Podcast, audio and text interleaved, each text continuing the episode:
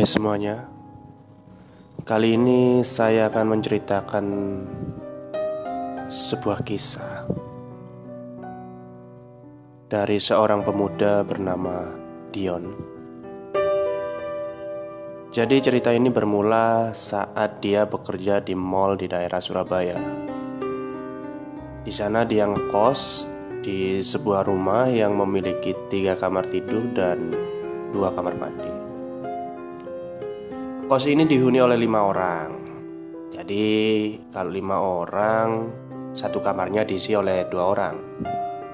Dan kebetulan waktu itu kamar teman sekamarnya itu boyong pindah kos lain, jadi dia tidur sendirian. Dan singkat cerita, saat berangkat dan pulang kerja dia itu melewati sebuah area di mana area itu terdapat sebuah rumah kosong. Di kanan kirinya tidak ada rumah, hanya seperti kebun gitu.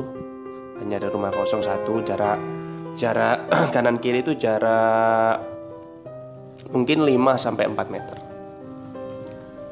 Memang kalau pagi atau siang hari area tersebut bisa banyak orang lalu lalang, tapi kalau sudah jam 10 malam daerah tersebut sudah sepi.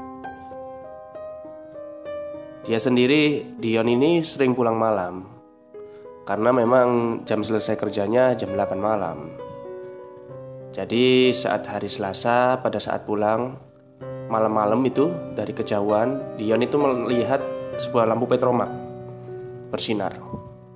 Saat dia semakin dekat semakin dekat ternyata itu adalah gerobak nasi goreng. Dan entah kenapa Dion waktu itu tiba-tiba lapar Padahal di kantor tadi udah makan. Lapar karena mencium bau masakan nasi goreng si abang nasi goreng ini. Langsung aja Dion berkata, ini dialognya. Pak nasinya masih ada? Oh masih bos, kata abangnya. Pesen satu dimakan sini ya pak Jawabnya. Oke mas, tapi tunggu bentar ya saya mau buatin bapaknya dulu, katanya bapak nasi goreng tadi. Dian pun uh, tengok kanan tengok kiri karena waktu itu dia hanya sendirian bersama abang nasi gorengnya itu. Dan saat tengok kanan tengok kiri, amati lingkungan tanpa disadari ternyata abang nasi goreng ini gerobaknya berhenti di depan pas seberang rumah kosong yang biasa dilewati oleh Dion. Jadi Dion pun berkata pada bapaknya, "Bapak yang mana, Pak yang pesan?" Uh, berkata pada nasi, tukang nasi gorengnya itu. Loh, bapaknya yang pesan ke mana, Pak? Kok nggak ada? Nggak tahu, Mas. Tadi pamit bentar masuk ke rumah itu sambil kata Pak Abang nasi gorengnya sambil nuju rumah kosong tersebut. Akhirnya Dian pun tidak menghiraukan lah ya. Dia karena nasi gorengnya sudah jadi, lalu dia asik makan, lalu setelah makan dia menyodorkan uang kepada abangnya sembari membayar. Terus Dian ngomong ke bapaknya, daripada sampean lama nunggu di sini pak, Mending orangnya dipanggil aja pak Terus abangnya jawab gini Maunya sih gitu mas. Tapi kok aku agak merinding ya? Ya wes pak. Ayo tak temani ke sana Kata Dion gitu. Terus akhirnya Abang nasi gorengnya itu Langsung menuju ke arah rumah kosong tersebut sama Dion. Sesampainya di pagar Si Dian ini mikir Ini rumah kalau malam siapa ya yang hidupin lampunya Lampu terasnya maksudnya. Terus katanya kan rumah kosong. Dian mikirnya gitu Siapa yang hidupin lampunya gitu. Nah, Dian ngomong lagi Pak ayo sampean yang manggil. Iya mas. Jawab si tukang abang nasi gorengnya tadi. Pak nasi goreng Nasi gorengnya udah jadi Teriak abangnya tadi. Abang nasi goreng bertiak-tiak berulang-ulang namun gak ada jawaban Dan akhirnya Dion pun berinisiatif untuk mengajak abangnya kembali ke gerobaknya yang ada di seberang jalan. Dion ngomong sama bapaknya ini, ya abangnya ini, Pak sampean itu yakin tak orang yang beli nasi goreng ini masuk ke rumah itu? Kata Dion. Iya mas, wong bapaknya tadi ada di depan pagar rumah waktu manggil saya. Jawab si abang nasi gorengnya? Dan Dion pun mengatakan masalahnya pak Rumah itu kosong, gak ada orang. Saya itu kalau pulang kerja selalu lewat sini Jawab Dion meyakinkan. Tapi abang nasi gorengnya masih bersih kuku gitu loh Yakin kalau ada orangnya. Soalnya alasannya apa?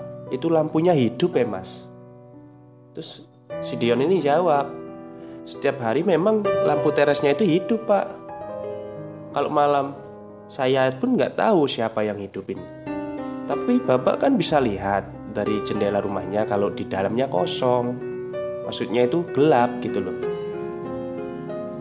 Dan setelah saling berpandangan lama Bapaknya ngomong Wah aku kok jadi merinding gini ya mas. Nah, Akhirnya si Dion berinisiatif ngomong Wis pak, mending sampean pulang aja Daripada nunggu lama. Sambil uh, kayaknya kecewa Si nasi tukang nasi gorengnya terus jawab Ya wis lah mas, saya pulang aja. Nah ini mungkin karena Dion ini kasihan Akhirnya lima bungkus nasi goreng yang dipesan orang tadi yang katanya masuk rumah tadi akhirnya karena Dion kasihan dibeli oleh Dion. Pak nasi gorengnya saya beli aja yang lima bungkus. Sambil memberikan uang terus akhirnya abang nasi gorengnya terima kasih terus pulang. Nah, sampai di kos. Dia uh, Dion ini ngasih nasi goreng ke teman-temannya karena dia sudah kenyang. Nah, teman-temannya pun ngomong, wah udah kenyang, wis. Akhirnya sama Dion ditaruh di dapur. Barangkali nanti kalau malam ada yang makan. Nah, Dion ngomong tepat menunjukkan waktu pukul 1 Dia nggak bisa tidur, padahal besok kerja pagi. Saat tiba-tiba Dion itu mulai terlelap, di, di daerah dapur itu terdengar arah dapur itu terdengar suara kelontang-kelontang orang makan. Pikir Dion itu gini, tengah malam siapa ya yang makan? Batin Dion. Ya karena Dion ini sudah mulai mengantuk, jadi dia tidak menghiraukan hal tersebut, jadi langsung tidur aja gitu loh. Pagi hari akhirnya setelah pukul sekitar 7 Dion bangun Tapi badan Dion ini rasanya berat banget capek terus dia diketok oleh uh, pintu kamarnya diketok sama temennya tuh. Dion kamu nggak kerja?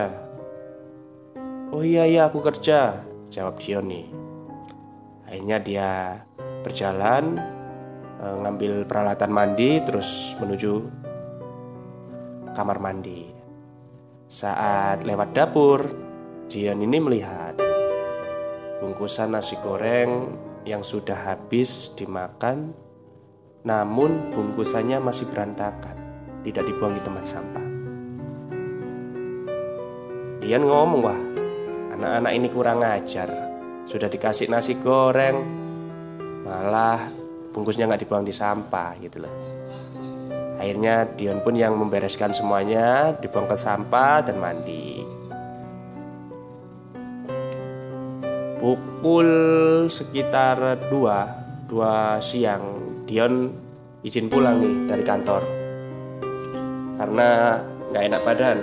Dari pagi badannya kayak berat gitu loh mas. Nah, sesampainya di kos dia menjumpai teman kosnya. Duduk merokok di teras kosnya itu. Terus temennya ngomong jam segini kok udah pulang Yon? Iya izin. Lagi gak enak badan Kata Dion Kebanyakan nasi goreng kali Sambil temennya tadi kata temennya tadi sambil tertawa. Terus Dion Dion jawab, masa makan nasi goreng satu porsi bisa sakit? Kata Dion. Loh, temennya pun kayak penasaran kan loh. Bukannya tuh nasi goreng kamu habisin semua ya? Jadi lima bungkus itu dikira temennya itu Dion yang habisin. Loh, Dion ya jawab, aku itu cuma makan nasi goreng satu piring. Itu pun di jalan di abangnya nggak dibungkus itu beda. Nah, temennya pun hanya diam, diem aja.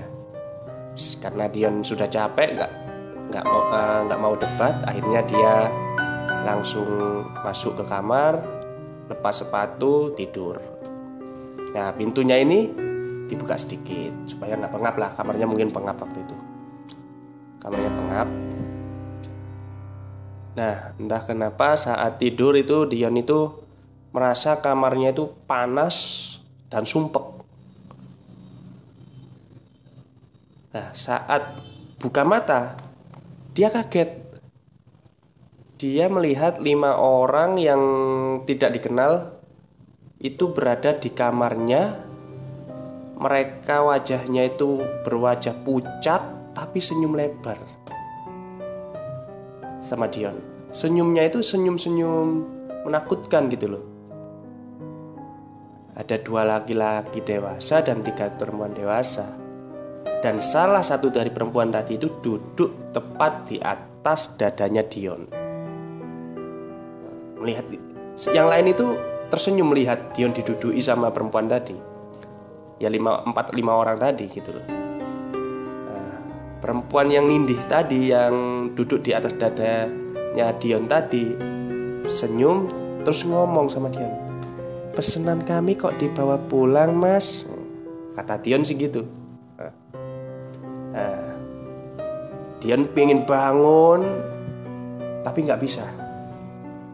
Akhirnya dia mencoba tenang, berpikir. Mungkin ini hanyalah mimpi. Akhirnya dia berinisiatif untuk memejamkan matanya dan berharap ketika membuka matanya ini semua berakhir. Tapi ternyata sia-sia. Saat buka mata kembali, mereka masih ada di kamarnya Dion. Gitu Dion ini bingung, ini ini ini kayak mimpi tapi terlalu nyata badannya itu kaku kayak tindian gitu nggak bisa bangun teriak nggak keluar uh, suara dari mulutnya. Akhirnya dia pun uh, berdoa berdoa berdoa berdoa. Akhirnya sampai akhirnya dia tersadar dan bangun. Nah, waktu itu pas waktu Dion bangun suara adzan maghrib berkumandang. Dia masih shock dan tiba-tiba si Aldi nih yang yang tadi ngerokok di depan teras itu namanya Aldi. Dia datang ke kamarnya Dion terus ngajak Dion itu keluar. Yon ayo Yon. Duduk-duduk di teras. Nah, duduk-duduk di depan kosan lah ya. Dion pun ngau, uh, mau. Langsung aja berdiri langsung dia diajak Aldi Aldi duduk-duduk. Nah si Aldi ini tanya Kamu nggak apa-apa Yon Maksudnya jawab Dion. Ya tanya aja. Soalnya mukamu ini pucat Yon. Kata Aldi Pakai bahasa anu lokat Jawa itu Surabayaan itu. Nah Dion ini ngomong Aku habis tindian tadi, makanya rasanya capek. Nah, langsung si Aldi ngomong, kalau tindihannya karena capek sih nggak apa-apa. Tapi kalau tindihannya karena yang lain, nah, kata Aldi sambil menatap Dion nih. Nah, yang lain maksudnya, nah, Dion ngomong gitu.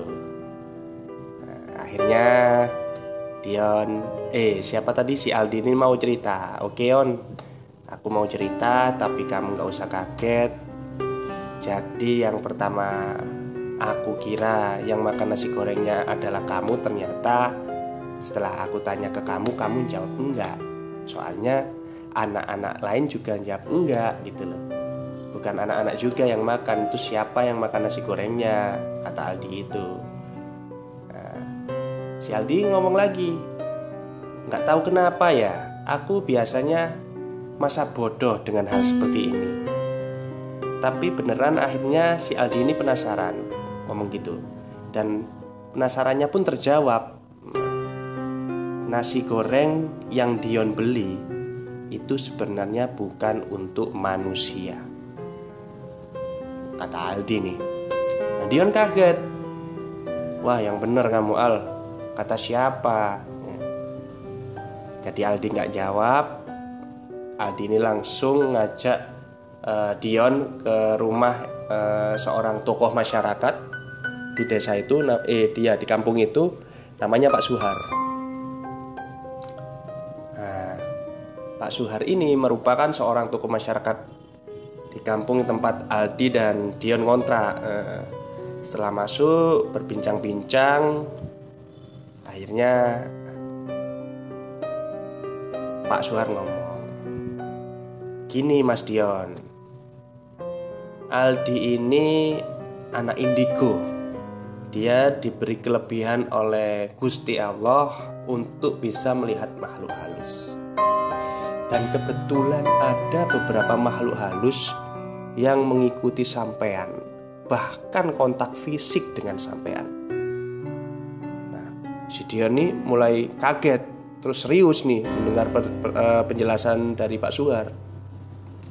Setelah menceritakan kronologinya, semuanya awal uh, bagaimana aku tindian, terus bagaimana aku bebas dari tindian, terus awal-awal dia tindian itu diceritakan semua sama si Dion sampai akhirnya Pak Suhar menyarankan malam ini kita harus ke tempat Dion membeli nasi goreng. Tapi sebelumnya kita mampir dulu ke kontrakan. Kata Pak Suhar. Pak Suhar ngomongnya mau ngambil mereka, mereka dalam tanda kutip untuk dikembalikan ke tempat asalnya. Malam nih.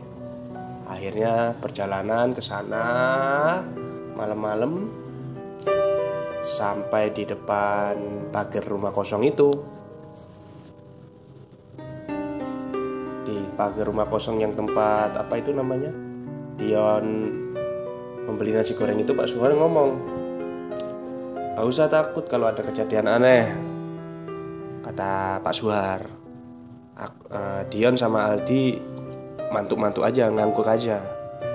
Nah Pak Suhar mengeluarkan uh, sesuatu dari jaketnya itu seperti cincin akik sambil komat kamit. Pak Suhar mengangkat tangannya ke kanan yang anu tangan kanannya maksudnya diangkat dan seketika terdengar suara cekikikan dan tertawa dari dalam rumah tersebut. Dan suara tertawanya itu bukan hanya suara wanita, tapi juga ada suara laki-laki. Dion nih kaget. Yon, kamu dengar nggak? Katanya Aldi tiba-tiba. Dion ini sebenarnya dengar dan kaget gitu loh, tapi dia, Shh, diam aja lah, diam aja terus biar nggak, biar Pak Suhar konsentrasi gitu. Akhirnya setelah hampir 10 menit Pak Suhar selesai komat kamit dan berkata pada anu Sidion sama Aldi ini Aldi sekarang tolong kamu belikan saya satu bungkus nasi goreng dan beri lima kembang melati di dalamnya Pak Suhar ngomong gitu sama Aldi Nah si Dion ini mau ikut tapi dicegah sama Pak siapa tadi Pak Suhar Wes kamu nggak usah ikut Aldi, biar Aldi aja. Kamu di sini saja temani saya. Aldi pun nurut, eh siapa Dion itu pun nurut akhirnya menemani Pak Suhar. tepat pukul uh, sekitar setengah 12 Angin malam itu sudah mulai menusuk-nusuk gitu loh Dingin Padahal si Dion ini pakai jaket yang cukup tebal Nah saat melihat jam tangannya jam tangannya tuh kan Dion waktu itu ngomong uh, dilengkapi dengan pengukur suhu. Ya jam tangan gunung ya. Dia kaget karena suhunya men, uh, mencapai 17 derajat Celcius. Ini sih kayak di gunung, uh, pikirnya Dion waktu itu. Ini apa jamnya yang rusak atau memang suhunya memang kayak gini gitu loh. Padahal ini kan di daerah perkotaan gitu loh, kampung perkotaan, kok kayak gunung gitu. Nah, gak lama kemudian si Aldi ini datang terus bawa nasi goreng maaf pak saya lama tadi kesulitan mencari kembangnya dan akhirnya saya dapat kok ya. nggak apa-apa al wong belum lewat waktu subuh kata Pak Suhar tadi akhirnya nasi goreng tadi dibuka terus ditaruh pas di depan pagar nah, setelah itu ya seperti tadi Pak Suhar berkomat kamit dan akhirnya mereka kembali pulang. Saat di rumah Pak Suhar ngomong ke Dion, Yon, kamu sekarang bisa balik ke kosan sama Aldi. Semuanya permasalahan ini akan saya ceritakan besoknya.